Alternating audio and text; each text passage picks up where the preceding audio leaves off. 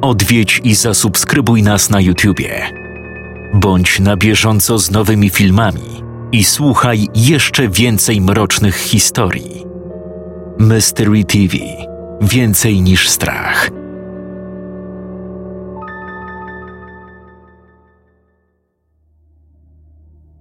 Dwudziesty trzeci marca 2001 roku. Po otrzymaniu przytłaczającej liczby próśb, aby opowiedzieć o moich odkryciach i groteskowych przeżyciach w jaskini niedaleko domu, postanowiłem założyć tę stronę. Wyróżnię najważniejsze wydarzenia, które przytrafiły mi się w ciągu ostatnich kilku miesięcy. Zaczynając od podróży do wspomnianej jaskini w grudniu roku 2000 i kończąc na. Hmm, w sumie to się właściwie jeszcze nie skończyło. Opowiem wszystko, tak jak tego doświadczyłem, w porządku chronologicznym. Załączę wam też fotografie, które zrobiłem podczas wędrówek do jaskini. Narysowałem też kilka ilustracji, aby słuchacz miał lepsze wyobrażenie o tym, jak to wszystko wyglądało. Wszystkie zdjęcia, które zobaczycie, zostały zrobione przeze mnie lub innych ludzi, którzy ze mną tam chodzili. Chciałbym jednak wyjaśnić kilka spraw, zanim zacznę. Po pierwsze, większość zdjęć zrobiliśmy jednorazowym kodakiem. Podczas wycieczek lepszy aparat miałem raz, może dwa. Po drugie, nie wymienię imion ani nazwisk innych osób w to wciągniętych. Jeśli znasz mnie, no to znasz też ich. Po trzecie, nie wyjawię lokacji jaskini nikomu, bez względu na powód. Więc nawet nie pytajcie. Odmawiam bycia odpowiedzialnym za inne życie niż moje. Jaskinię będę nazywać po prostu jaskinią tajemnic. I nie, to nie jest jej prawdziwa nazwa. Jeśli uważacie te wydarzenia za naciągane, zgadzam się. Gdybym ich nie doświadczył na własnej skórze, doszedłbym do podobnych wniosków. Zrobię też wszystko, co w mojej mocy, aby przekazać swoje myśli i uczucia w najlepszy sposób. Pominę jedynie nic nieznaczące części dziennika, które nie mają nic wspólnego z moimi przeżyciami, takie jak jedzenie, kupno paliwa, prowiantu itd. Tak Gotowi? No to zaczynamy. Dziennik Grotołaza, 30 grudnia 2000 roku. B i ja postanowiliśmy udać się na jeszcze jedną wycieczkę do jaskini przed Nowym Rokiem, więc wybraliśmy pobliską jaskinię tajemnic. Nie nadzwyczajna, ale skoro żaden z nas już od dawna nie zapuszczał się do jaskiń, każda będzie dobra. Byliśmy trochę podekscytowani. W niższej części jaskini znajdowała się wąska szczelina, którą chciałem obejrzeć, aby sprawdzić, czy można przez nią przejść. Była niewielka, ale przepuszczała wiele powietrza. Nawet jeśli okaże się zbyt mała, no to warto sprawdzić, co znajduje się w środku. Spakowaliśmy sprzęt i wyruszyliśmy o godzinie 15. Szybko dotarliśmy na miejsce. B jeździ bardzo szybko. Zaczepiliśmy się o drzewo i zaczęliśmy schodzić w dół. Zszedłem pierwszy i przygotowałem ekwipunek, kiedy B dopiero dochodził. Często będę nawiązywać do B. Działamy razem już od kilku miesięcy. W wyniku wypadku kilka lat wcześniej wmawiano mu, że już nie będzie chodzić. Dzięki ciężkiej pracy i wytrwałości nie tylko chodzi, ale także radzi sobie całkiem nieźle w jaskiniach. Trudniejsze przejścia mogą go nieco spowolnić, ale daje radę. Cierpliwość sprawia, że radzi sobie z każdą przeszkodą. Jest powiedzenie wśród ludzi w naszym fachu: jeśli wieje, trzeba wejść. Znaczy to, że jeśli przejście ma dobry przepływ powietrza, to jest warte sprawdzenia. Po eksploracji wszystkich zwyczajnych przejść, zeszliśmy na dół, aby przyjrzeć się dziurze. Jest ona głęboko w jaskini, prawie na samym dole. Znajduje się na ścianie około trzy stopy nad ziemią. Aby do niej zajrzeć, musiałem klęknąć i nieco się pochylić pod skałą. Wsadziłem latarkę do dziury, aby sprawdzić, co uda mi się zobaczyć. To, co ujrzałem, podekscytowało mnie. Dziura miała średnicę jakichś trzech, pięciu cali. Prowadziła do wąskiego przejścia, które kawałek dalej trochę się rozszerzało. Dziesięć, dwanaście stóp w głąb. Trzeba by było się przeczołgać. Potem wydawało się rozwidlać. Jak bardzo, tego nie wiemy. Mogło to być nowo powstałe przejście. Oczywiście nikt nigdy się tędy nie przedostał, ale z drugiej strony może być też inne wejście. Nawet aby dostać się do miejsca do czołgania, musiałbym powiększyć dziurę, ponieważ w tej chwili jest wielkości mojej pięści. Usiedliśmy na kilka minut, żeby odpocząć i przemyśleć dalszy plan wędrówki. Siedząc w ciemności, słyszeliśmy podmuchy wiatru po drugiej stronie. Był to niski, upiorny hałas. Od czasu do czasu dochodziły do nas też dudnienia. Nic niepokojącego. Jaskinia znajduje się pod drogą, na której jeżdżą ciężarówki. Wywnioskowaliśmy, że to one powodują te dźwięki. Zdecydowaliśmy, że najlepszym wejściem będzie użyć bezprzewodowej wiertarki, włożyć dłuto, a następnie skruszyć ścianę młotem. Wydawało się proste. Poszerzylibyśmy dziurę na tyle, aby się w niej zmieścić i zobaczyć, co jest po drugiej stronie. Próby przeciśnięcia całego ekwipunku przez nią byłyby męczarnią, ale mieliśmy nadzieję, że to, co zobaczymy, będzie tego warte. Przejście nazwałem kryptą Floyda, po Floydzie Collinsie. Wyglądało to jak ciasne miejsce, gdzie spędził ostatnie chwile życia. Floyd Collins był grotołazem na początku XX wieku. Utknął w bardzo wąskiej przestrzeni i nie mógł się uwolnić. To niesamowita historia, opisana ze szczegółami w książce Uwięziony. Historia Floyda Collinsa. Taki był chyba tytuł, bo nie pamiętam autora. Nazwanie naszego przejścia kryptą Floyda było nie tylko hołdem dla niego, ale też dobrym komentarzem co do wielkości tego przejścia. Wspominając to teraz, wydaje mi się to śmieszne, że myślałem, iż wszystko będzie takie proste. Spodziewałem się kilku godzin pracy. Gdybym wiedział, ile to naprawdę zajmie, porzuciłbym ten pomysł już na początku. Gdybym wiedział, czego tam doświadczę, nigdy bym tam nie wrócił. Zebraliśmy sprzęt i weszliśmy na powierzchnię. Normalnie nie obchodziłoby mnie to, czy do niej kiedykolwiek wrócę. Nie ma tam nic specjalnego. Ale teraz jedynym o czym myślałem był powrót do środka i przedostanie się przez szczelinę. Nawet nie wyszliśmy na zewnątrz, a już planowaliśmy ponowną wędrówkę. 27-28 stycznia 2001 roku. Oboje byliśmy bardzo podekscytowani powrotem. Podejrzewałem, że po czterech godzinach przedostaniemy się i zobaczymy, co jest dalej. Załatwiliśmy wiertarkę.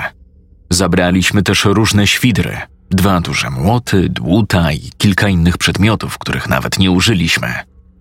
Zniesienie tego wszystkiego na dół okazało się nie lada wyzwaniem – Jeden z nas schodził w dół, zatrzymując się na jakiejś krawędzi, aby drugi spuścił narzędzia.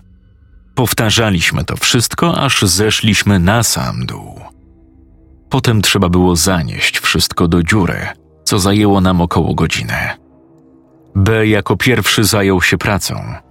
Po wyczerpującej godzinie mogliśmy stwierdzić, że nie uda nam się za pierwszym razem. Zmienialiśmy się tak co jakiś czas, tonąc w pocie.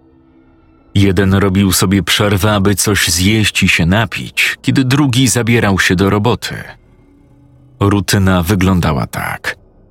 Najpierw musieliśmy klęknąć i unikać rozbicia głów o niski sufit. Działając w tej niewygodnej pozycji, wwiercaliśmy się w ścianę wokół dziury. Była to ciężka praca. Musieliśmy mocno naciskać wiertarka i tak trwało to długo Potem wsadzaliśmy do środka dłuto i zaczynaliśmy uderzać w nie młotem do skruszenia skały. Następnie to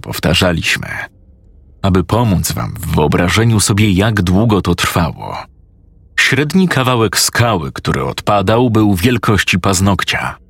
Kiedy udawało nam się usunąć większy odłamek, mniej więcej jedną trzecią mojej dłoni, mogliśmy świętować. Od czasu do czasu, dla odmiany, uderzaliśmy po prostu w dłuto młotkiem. Był to wolny proces.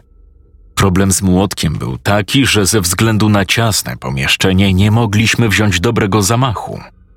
Nawet jeśli pracowaliśmy wiele godzin i kilka razy wychodziliśmy i wracaliśmy do jaskini, nigdy nie odkryliśmy lepszego sposobu na poszerzenie dziury. Wiertarka, dłuto i młot przyniosły najlepsze rezultaty, biorąc pod uwagę wysiłek. Mieliśmy wiele szalonych pomysłów, zaczynając od materiałów wybuchowych, których tak naprawdę nigdy poważnie nie rozważaliśmy, kończąc na przyniesieniu agregatora pod jaskinię i podłączeniu go do młota pneumatycznego przedłużaczem, który mielibyśmy znieść na dół.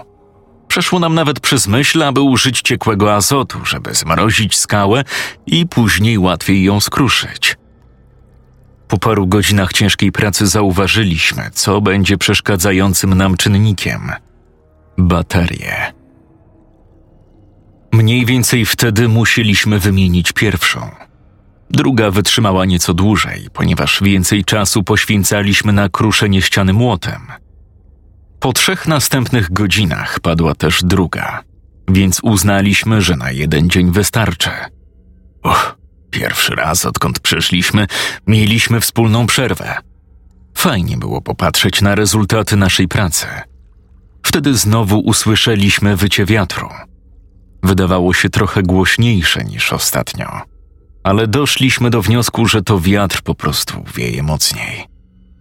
Ale to, co zaczęło nas niepokoić, to dudnienia. One też zaczęły wydawać się głośniejsze i częstsze. Tym razem nie mogliśmy powiedzieć, że to wina ciężarówek. Zacznijmy od tego, że droga nad nami wcale nie była taka ruchliwa. O tej porze powinna być pusta. Jednak dudnienia nie ustawały.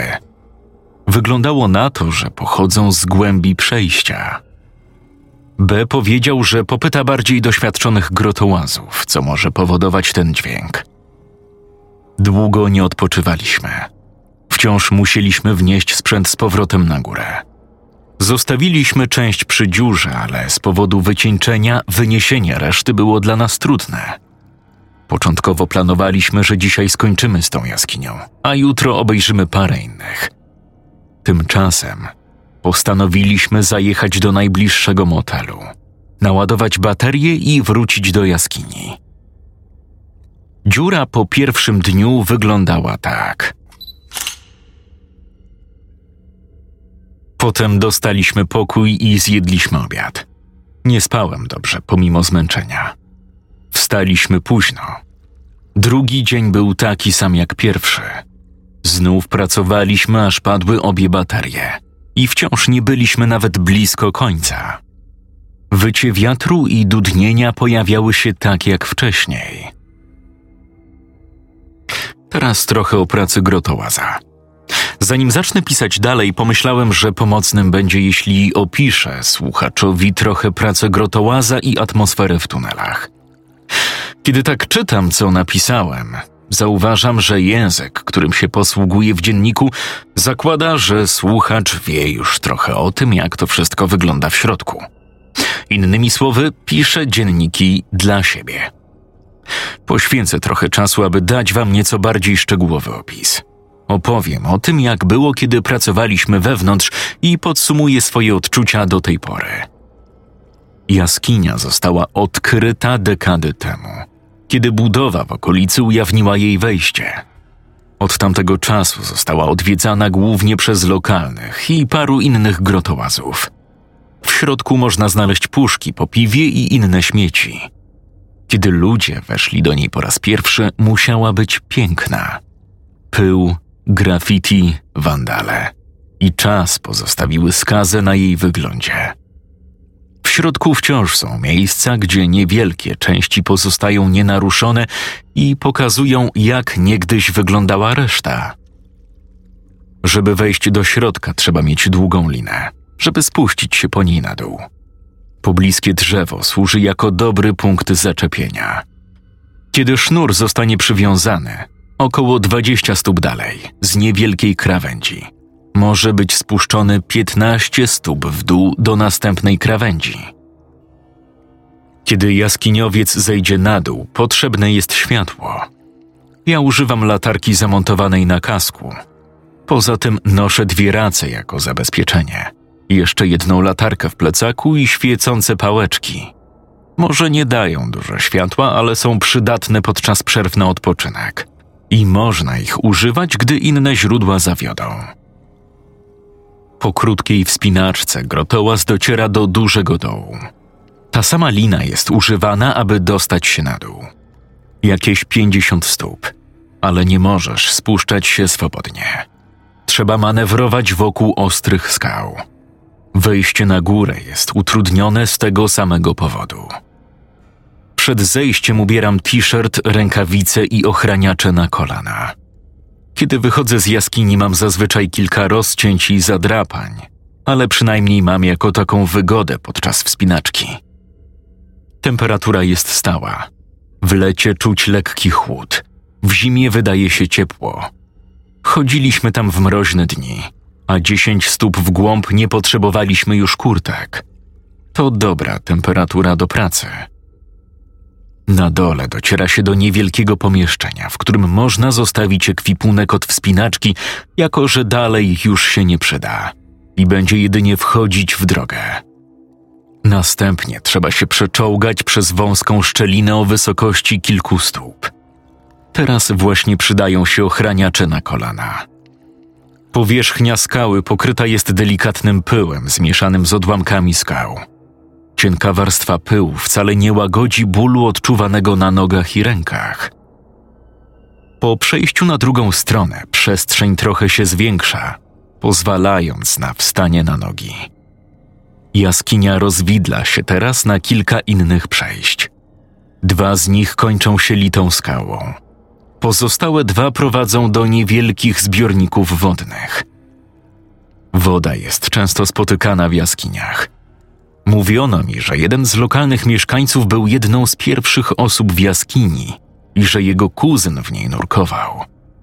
Powiedział mi, że jaskinia pod wodą biegnie dalej przez kilkaset stóp, po czym się kończy. Liczyli na to, że wypłyną na powierzchnię i będą mogli zwiedzić co nieodkryte. Niestety, nie posiadam wiedzy, aby powiedzieć coś więcej o typach skał w jaskini. Kiedy się przewiercaliśmy, pojawiały się fragmenty łatwiejsze do przebicia niż pozostałe. Były też różne kolory kamienia.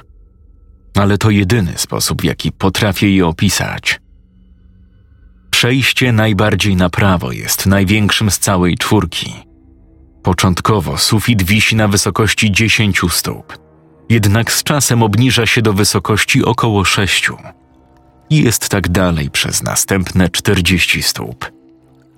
Ta część jaskini przypomina trochę kamieniołom. Podłoga jest płaska, a tunel wygląda jak wyrzeźbiony. W końcu dobiega on końca i znowu zaczyna się czołganie przez następne 20 stóp w dół. Na początku jest całkiem łatwo, potem robi się ślisko. Kiedy idę z B, niosę koniec sznura, którego wcześniej używaliśmy – Zazwyczaj muszę do niego przywiązać jeszcze jeden, aby upewnić się, że dzięki niemu bezpiecznie się przedostanie. Po wyjściu ze szczeliny znowu można stanąć na nogi. Po zejściu kilku stóp w dół jest ostry zakręt w lewo. Kończy się on 75 stóp dalej, mniejszym zbiornikiem wodnym. Z prawej strony jest skała. Naprzeciw jest wgłębienie na jakieś trzy stopy – na którego końcu znajduje się mała dziurka wielkości piłki do softbola. Żeby się tam dostać, grotołas musi kucnąć, aby nie uderzyć głową o sufit. Kiedy dostajemy się do naszego miejsca pracy, jest nam już dosyć gorąco i zaczynamy się pocić. A pierwszą rzeczą, jaką zauważamy, jest chłodna bryza pochodząca z wnętrza dziury. Drużyna dociera na miejsce, w którym gaszone są wszelkie źródła światła. Absolutna ciemność wypełnia oczy. Przez moment grotołaz wytęża wzrok.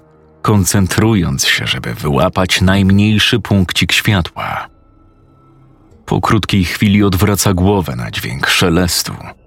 Prawdopodobnie inny grotołaz, tylko po to, aby pozostałe zmysły wróciły wysilone.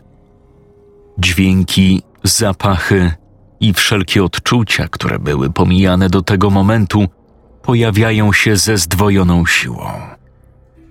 Ból tyłka na nierównej powierzchni tunelu, zapach pyłu, pot, guano. W głowie każdego grotołaza pojawia się wtedy myśl: co jeśli? Co jeśli trzeba będzie się wspiąć z powrotem na górę bez światła? Uda się? Czy będzie musiał odnaleźć wszystkie krawędzie i występy skalne, które doprowadziły go wcześniej do tego miejsca? Jeśli nie, czy ratownicy znajdą go na czas? Głębia ciemności odczuwalna w tej chwili jest czymś rzadko doświadczalnym na zewnątrz. Wielu początkujących grotołazów błędnie deklaruje, że muszą trzymać dłoń w odległości dwóch, trzech cali od twarzy, zanim będą mogli ją dostrzec.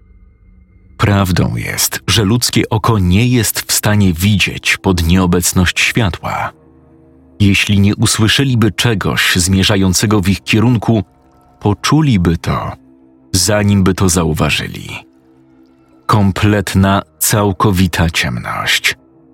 To ćwiczenie jest dobrym sposobem, aby przypomnieć ludziom o noszeniu ze sobą zapasowego światła.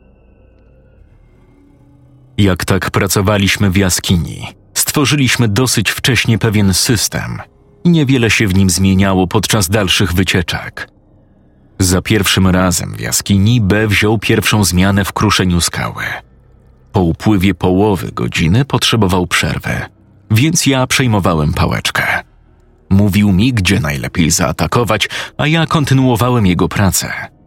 Wywiercaliśmy dziurę świdrem, tak głęboko jak mogliśmy. Podczas roboty ubieraliśmy okulary ochronne i maseczki, żeby pył nie dostał się do naszych ust.